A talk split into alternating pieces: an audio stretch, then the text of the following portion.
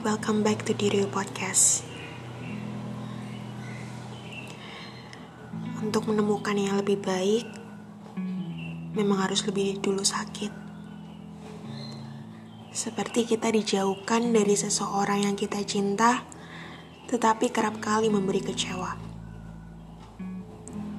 Tidak apa-apa, menerima bahwa dia hanya sementara itu butuh waktu menerima bahwa dia sudah mengukir cukup lama, butuh waktu. Menerima bahwa memang bukan dia orangnya, butuh waktu. Menerima bahwa bukan ini jalannya, juga butuh waktu. Penerimaan memang butuh waktu.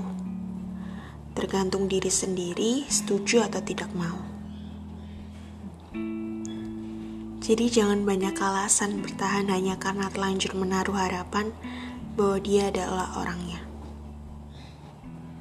Sungguh, tidak apa-apa jika memang bukan dia orangnya.